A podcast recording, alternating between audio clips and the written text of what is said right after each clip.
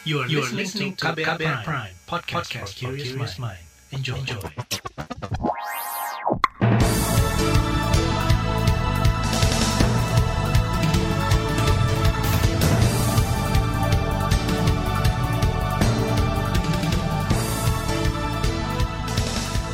Halo selamat pagi saudara, senang sekali saya Reski Mesanto kembali hadir pagi hari ini di program Buletin Pagi Hari ini Rabu 12 Mei 2021 Tim redaksi KBR telah menyiapkan sejumlah informasi untuk Anda. Di antaranya, pemerintah umumkan harga vaksin gotong royong Rp500.000 per suntikan. Lebaran ditetapkan Kamis besok dan Gubernur Jawa Barat minta masyarakat salat Idul Fitri di rumah.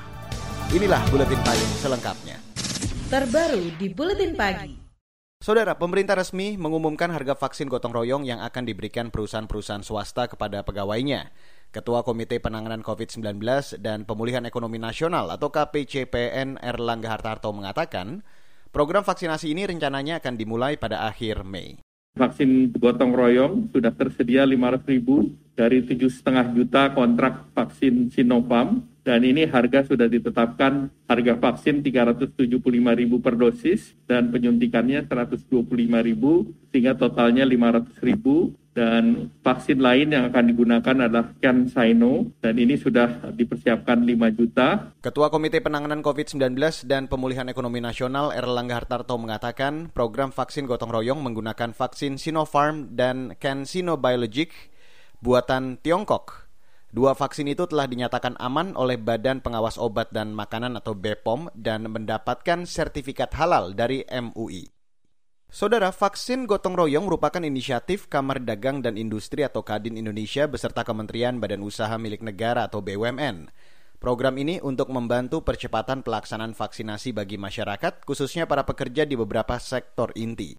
Namun vaksin gotong royong sempat menuai kritik, terutama skema pembiayaan yang dikhawatirkan memangkas upah atau gaji karyawan. Sementara itu, saudara, organisasi Kamar Dagang dan Industri atau Kadin memastikan biaya vaksin gotong royong ditanggung 100% oleh perusahaan. Ketua Kadin DKI Jakarta Diana Dewi mengatakan, sejak awal gagasan ini muncul, Kadin telah meminta perusahaan untuk menanggung keseluruhan biaya apabila ingin mengikuti program tersebut. Dari awal kita kepada perusahaan apabila mereka sanggup untuk membiayai vaksin gotong royong, mereka diminta uh, mendaftarkan. Dengan catatan biaya yang dikeluarkan itu adalah merupakan biaya perusahaan tidak dikenakan untuk karyawannya. Kalau memotong BPJS itu berarti uh, tetap uh, mengurangi haknya karyawan ya Mas. Itu yang uh, kami pesankan untuk tidak melakukan itu. Ketua Kadin DKI Jakarta Diana Dewi mengatakan dari sekitar 16.000 perusahaan yang mendaftar program vaksin gotong royong, sekitar 60 persen berada di DKI Jakarta.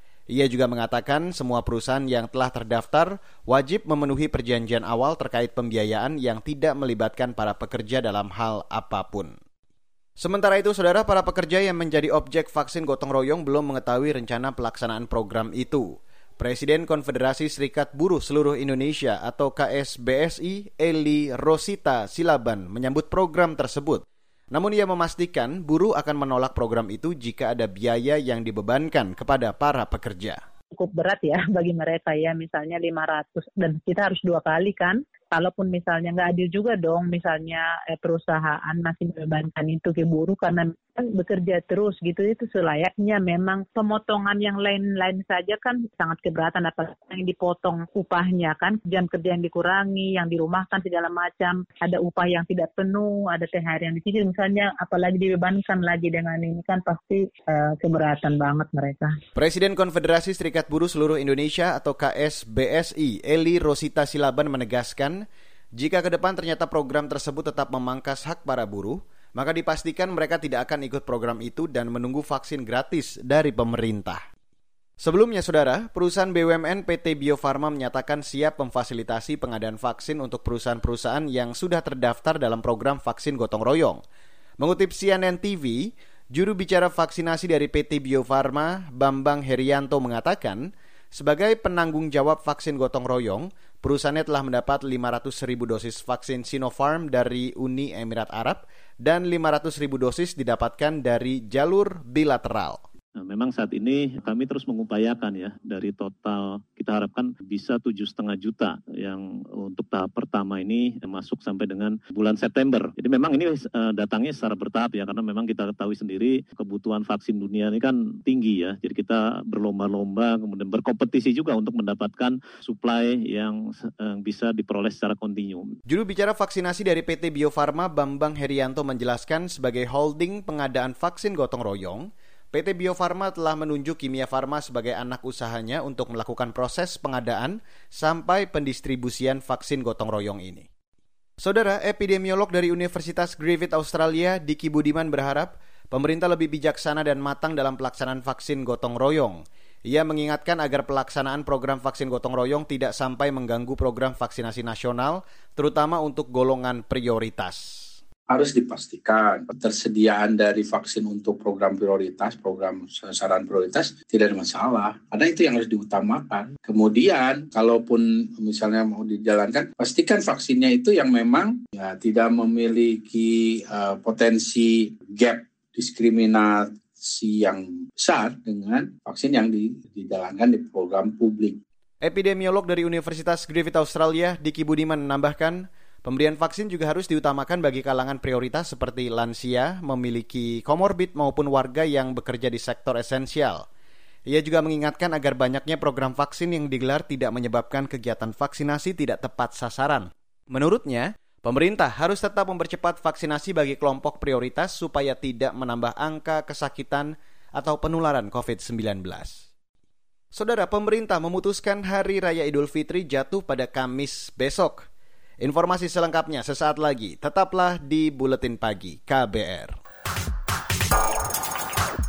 You're listening to KBR Pride, podcast for curious mind. Enjoy!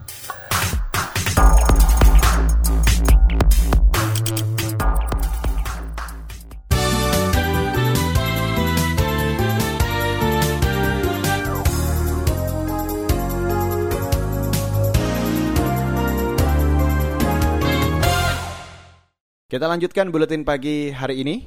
Saudara, pemerintah menetapkan Hari Raya Idul Fitri jatuh pada Kamis 13 Mei besok. Keputusan itu diambil dalam sidang isbat yang diikuti perwakilan berbagai lembaga seperti LAPAN, BMKG, tim hisap dari Kementerian Agama hingga perwakilan Ormas Islam.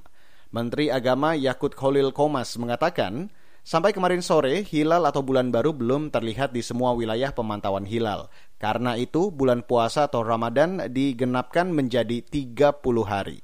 Informasi hitungan hisap telah dikonfirmasi dengan laporan sejumlah petugas Kementerian Agama di daerah yang kita tempatkan tidak kurang di 88 titik mulai dari Aceh sampai Papua sana di 34 provinsi di seluruh wilayah tanah air Indonesia dan dari 88 titik itu tidak ada yang melaporkan melihat hilal. Itu tadi Menteri Agama Yakut Khalil. Dengan keputusan ini, maka tahun ini tidak ada perbedaan perayaan Idul Fitri baik dari pemerintah maupun organisasi keagamaan seperti Nadatul Ulama dan Muhammadiyah. Beralih ke informasi lain, saudara penyidik senior Komisi Pemberantasan Korupsi atau KPK Novel Baswedan mempertanyakan keputusan pimpinan KPK menonaktifkan 75 pegawai yang tidak lolos tes wawasan kebangsaan. Novel termasuk dalam daftar pegawai yang dinonaktifkan. Novel menilai Ketua KPK Firly Bahuri melakukan tindakan di luar batas dan sewenang-wenang.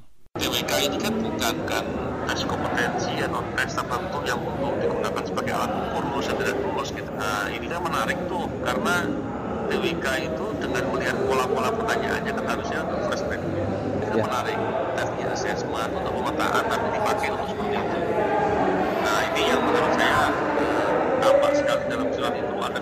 ya, ada tindakan-tindakan yang berlebihan, hmm. melebihi kewenangannya. Penyidik KPK Novel Baswedan mengatakan, selama ini 75 pegawai yang dinonaktifkan itu selalu mengerjakan tugas dengan baik.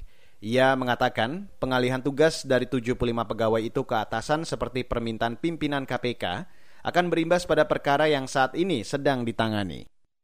Saudara, kasus korupsi Bupati Nganjuk Timur Novi Rahman akhirnya ditangani markas besar polisi Meski operasi tangkap tangan Bupati Nganjuk dilakukan Komisi Pemberantasan Korupsi atau KPK. Badan Reserse dan Kriminal Mabes Polri menetapkan Bupati Nganjuk Novi Rahman sebagai tersangka dugaan korupsi jual beli jabatan di wilayah itu. Juru bicara Mabes Polri Argo Yuwono mengatakan Novi Rahman kini ditahan di rutan Bareskrim selama 20 hari ke depan. Bervariasi, karena juga ada dari desa ya, yang dia mengumpulkan, kalau dia jadi kepala desa ada yang 2 juta ya, dan juga ada nanti dikumpulkan sama naik ke atas desa ke kecamatan. Juga ada juga uh, eh, 15 juta juga ada ya, 50 juta juga ada. Itu. Jadi bervariasi. Jadi antara 2 juta sampai 50 juta. Ya. Juru bicara Mabes Polri Argo Yuwono menambahkan, saat ini penyidik masih mendalami peran dan aliran dana yang diterima Bupati Nganjuk Novi Rahman. Penyidik sebelumnya menyita uang tunai 600-an juta rupiah lebih, 8 unit telepon genggam, dan satu tabungan Bank Jatim. Novi Rahman terjaring dalam operasi tangkap tangan KPK dan Polri. Sementara itu, Wakil Ketua KPK Lili Pintauli Siregar menegaskan, Kasus Bupati Nganjuk diambil Polri bukan karena ada masalah internal penonaktifan pegawai di KPK. Beralih ke informasi lain, Saudara Kementerian Kesehatan memastikan tunggakan pembayaran insentif tenaga kesehatan sebesar 790 miliar rupiah akan segera dicairkan tahun ini. Pelaksana tugas Kepala Badan Pengembangan dan Pemberdayaan SDM Kesehatan di Kementerian Kesehatan Kirana Pritasari mengatakan, Sebagian besar insentif yang belum diberikan berasal dari tunggakan Desember 2020. Jadi 1,48 triliun ini sudah disetujui untuk dibayarkan sebesar 790,28 miliar. Disetujui ini artinya kami sudah mengajukan proses ke Kementerian Keuangan dan disetujui. Kami menunggu hasilnya yang biasanya adalah membutuhkan satu dua hari ke depan. Pelaksana tugas Kepala Badan Pengembangan dan Pemberdayaan SDM di Kementerian Kesehatan Kirana Pritasari mengatakan, selain pencairan tunggakan insentif, masih menunggu persetujuan dari Kementerian Keuangan serta audit dari Badan Pemeriksa Keuangan dan Pembangunan atau BPKP.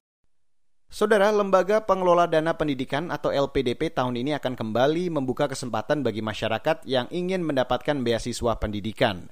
Direktur Utama LPDP Andin Hadianto mengatakan, dalam 10 tahun terakhir LPDP sudah memberangkatkan 25 ribu mahasiswa melalui program beasiswa pemerintah. Di dalam merempuh pendidikan yang unggul, baik di Indonesia maupun di luar negeri. 9 ribu di antaranya telah menjadi alumni dan berkiprah pada bidangnya masing-masing. Ada yang di public sector, private sector, ada yang sebagai entrepreneur, ada yang di civil society, dan berbagai profesi lainnya. Direktur Utama LPDP Andin Hadianto menyebut pada tahun lalu beasiswa LPDP dibuka terbatas karena pandemi COVID-19. Namun tahun ini meskipun pandemi masih terjadi di seluruh dunia, kesempatan beasiswa LPDP akan dibuka lebih lebar. Ia pun meminta masyarakat yang berminat memperoleh beasiswa LPDP segera menyiapkan diri untuk mendapat peluang pembiayaan pendidikan dari pemerintah. Kita beralih ke berita mancanegara, saudara. Militer Israel mengklaim telah menggempur 130 target sasaran di jalur Gaza melalui serangan roket. Mereka menyebut dalam serangan itu telah menewaskan 15 militan Hamas. Selama ini Hamas merupakan kelompok faksi Palestina yang menguasai jalur Gaza. Mengutip AFP, militer Israel mengklaim telah menyerang fasilitas pembuat dan penyimpanan senjata, markas pelatihan dan pangkalan militer hingga pusat intelijen Hamas. Serangan itu dilakukan sebagai bentuk balas dendam setelah Hamas menembakkan roket ke wilayah Israel. Di lain pihak, saudara, otoritas kesehatan Gaza menyebut jumlah korban yang tewas akibat serangan roket Israel mencapai 22 orang, termasuk anak-anak. Beralih ke informasi olahraga, saudara, tim dayung putri Indonesia lolos ke Olimpiade Tokyo 2020 pada Juli mendatang setelah lolos tahapan kualifikasi. Ketua Umum Pengurus Besar Persatuan Olahraga Dayung Seluruh Indonesia, Budiman Yunus, mengatakan Indonesia mendapat tiket ke Olimpiade Tokyo melalui pasangan ganda putri Mutiara Rahman dan Melani Putri. Keduanya lolos setelah meraih peringkat 4 dengan catatan waktu 7 menit 35 detik. Sementara tim putra Indonesia gagal meraih tiket ke Olimpiade dalam pertandingan kualifikasi ini. Saudara, kan saya hadirkan laporan khas KBR mengenai upaya pencegahan penyebaran COVID-19 atau klaster lebaran.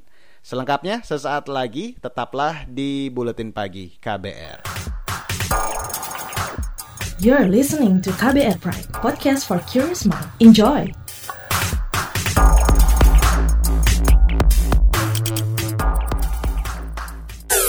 Commercial break. Ya, ada lagu ini pula buat rindu kampung ini. Ah, nelfon mama ah. Apa kabar dia nih ya? Eh, Tigor, lagi di mana kau? Di kosan, Mak. Mama apa kabar? Kuliahmu udah libur kan? Pulanglah kau, nak. Di kampung aja. Nanti kau keluar-keluar kena pula sakit si Corina itu. Eh, siapa namanya itu? Corona kan?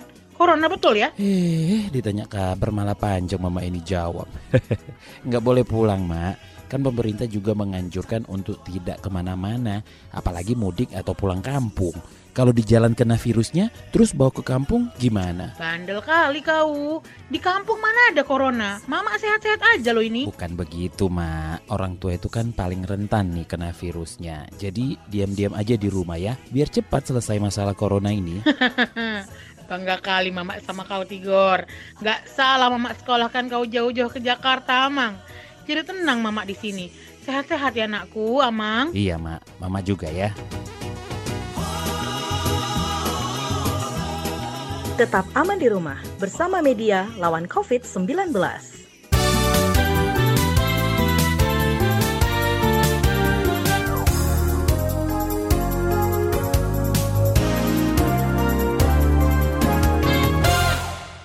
Saudara, Anda masih bergabung di Buletin Pagi hari ini, edisi 12 Mei 2021. Munculnya penyebaran COVID-19 melalui klaster salat tarawih memunculkan kekhawatiran ledakan kasus pada saat lebaran atau melalui klaster salat idul fitri. Apa saja yang harus dilakukan pemerintah daerah? Berikut saya hadirkan laporan khas KBR yang disusun Heru Haitami.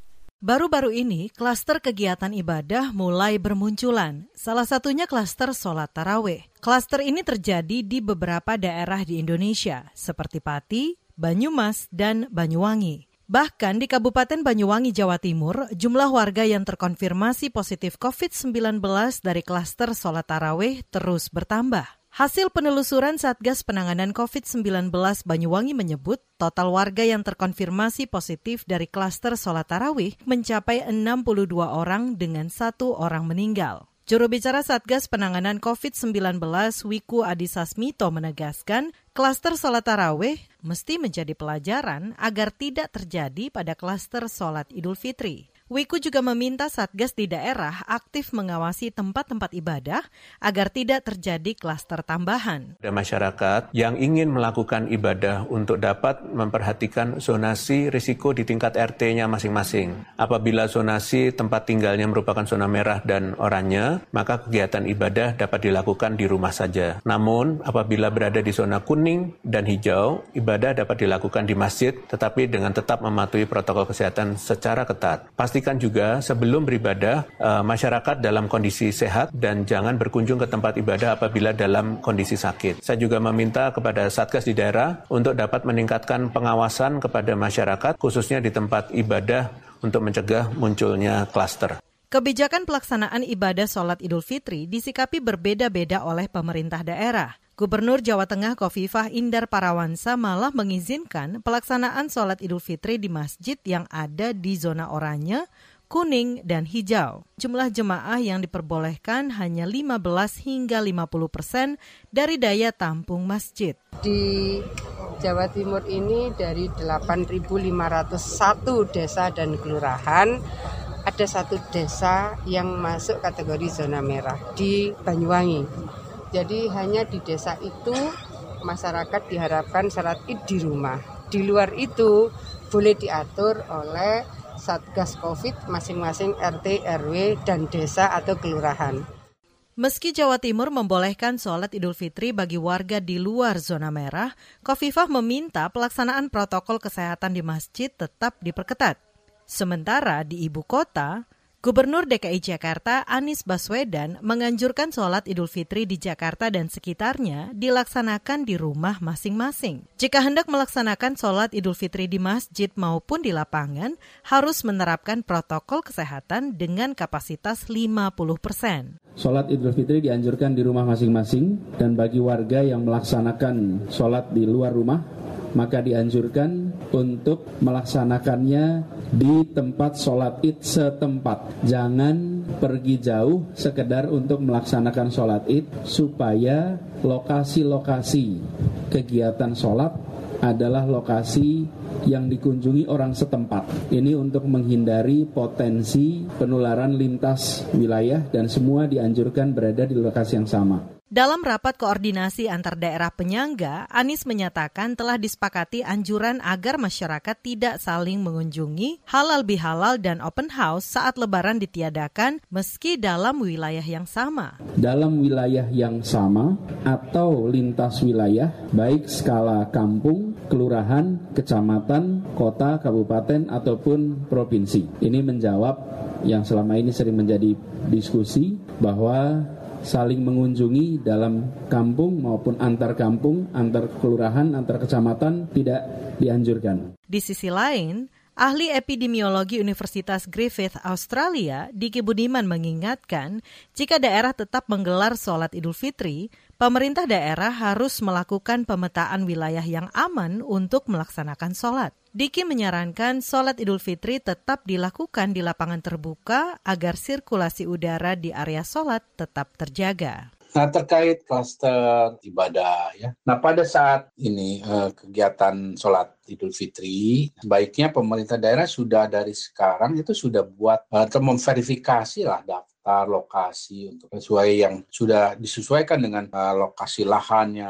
uh, yang outdoor juga kan siap dengan petugasnya, siap dengan prasanananya yang misalnya ada batasan-batasan mana pintu masuk. Kalaupun ini di lapangan ada jalur mana masuk, mana keluar, mana laki, mana perempuan. Kemudian juga menurut saya untuk daerah-daerah dengan kecepatan angin di bawah 50 mph itu sebaiknya ada kipas angin. Nah ini sirkulasi udara itu penting banget. Ini untuk mengurangi potensi penularan. Demikian laporan khas KBR yang disusun Heru Haitami. Saya Aika Renata. Dan saudara di bagian akhir dari buletin pagi hari ini akan saya hadirkan informasi dari daerah. Informasi selengkapnya sesaat lagi. Tetaplah di buletin pagi. You're listening to KBR Pride, podcast for curious mind. Enjoy.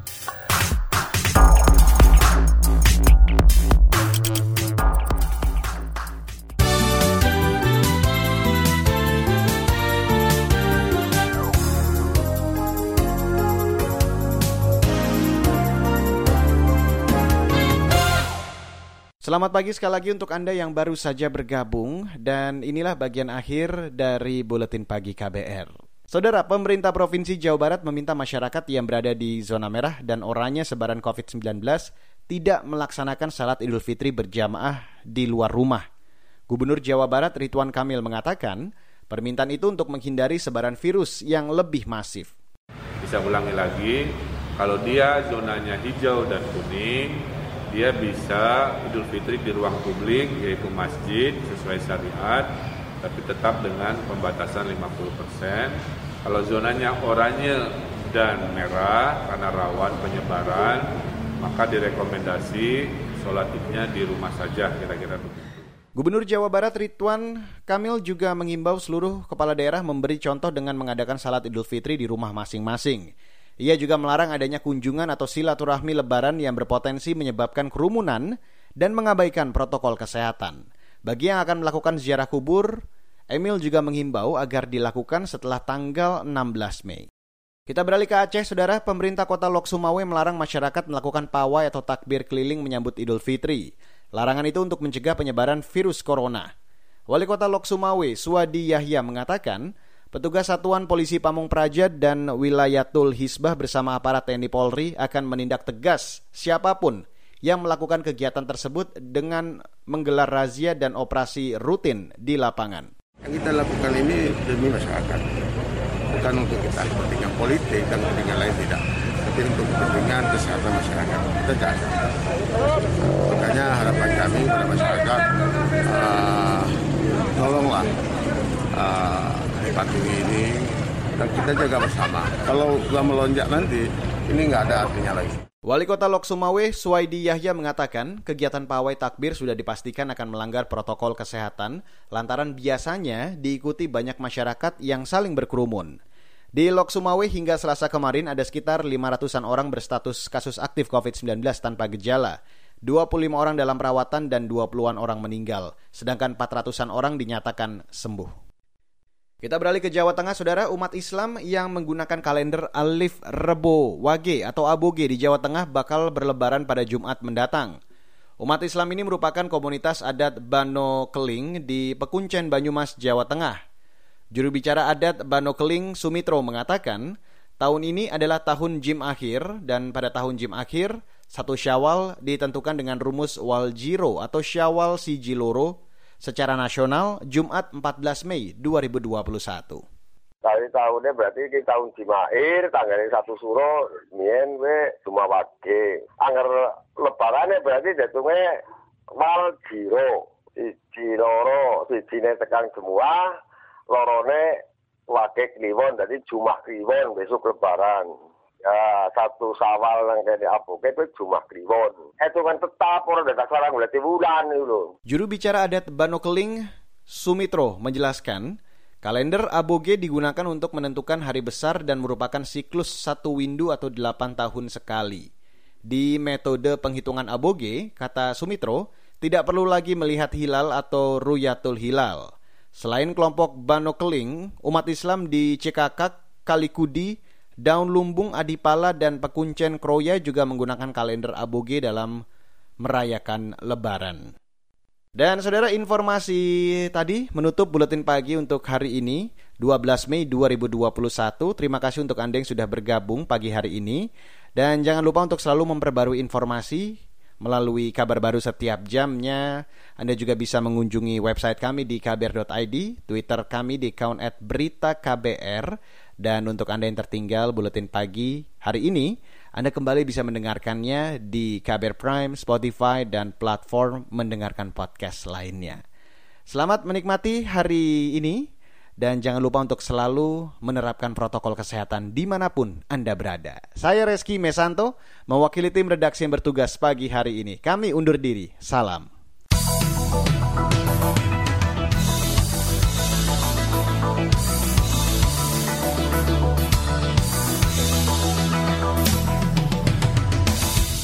KBR Prime, cara asik mendengar berita. KBR Prime, podcast for curious mind.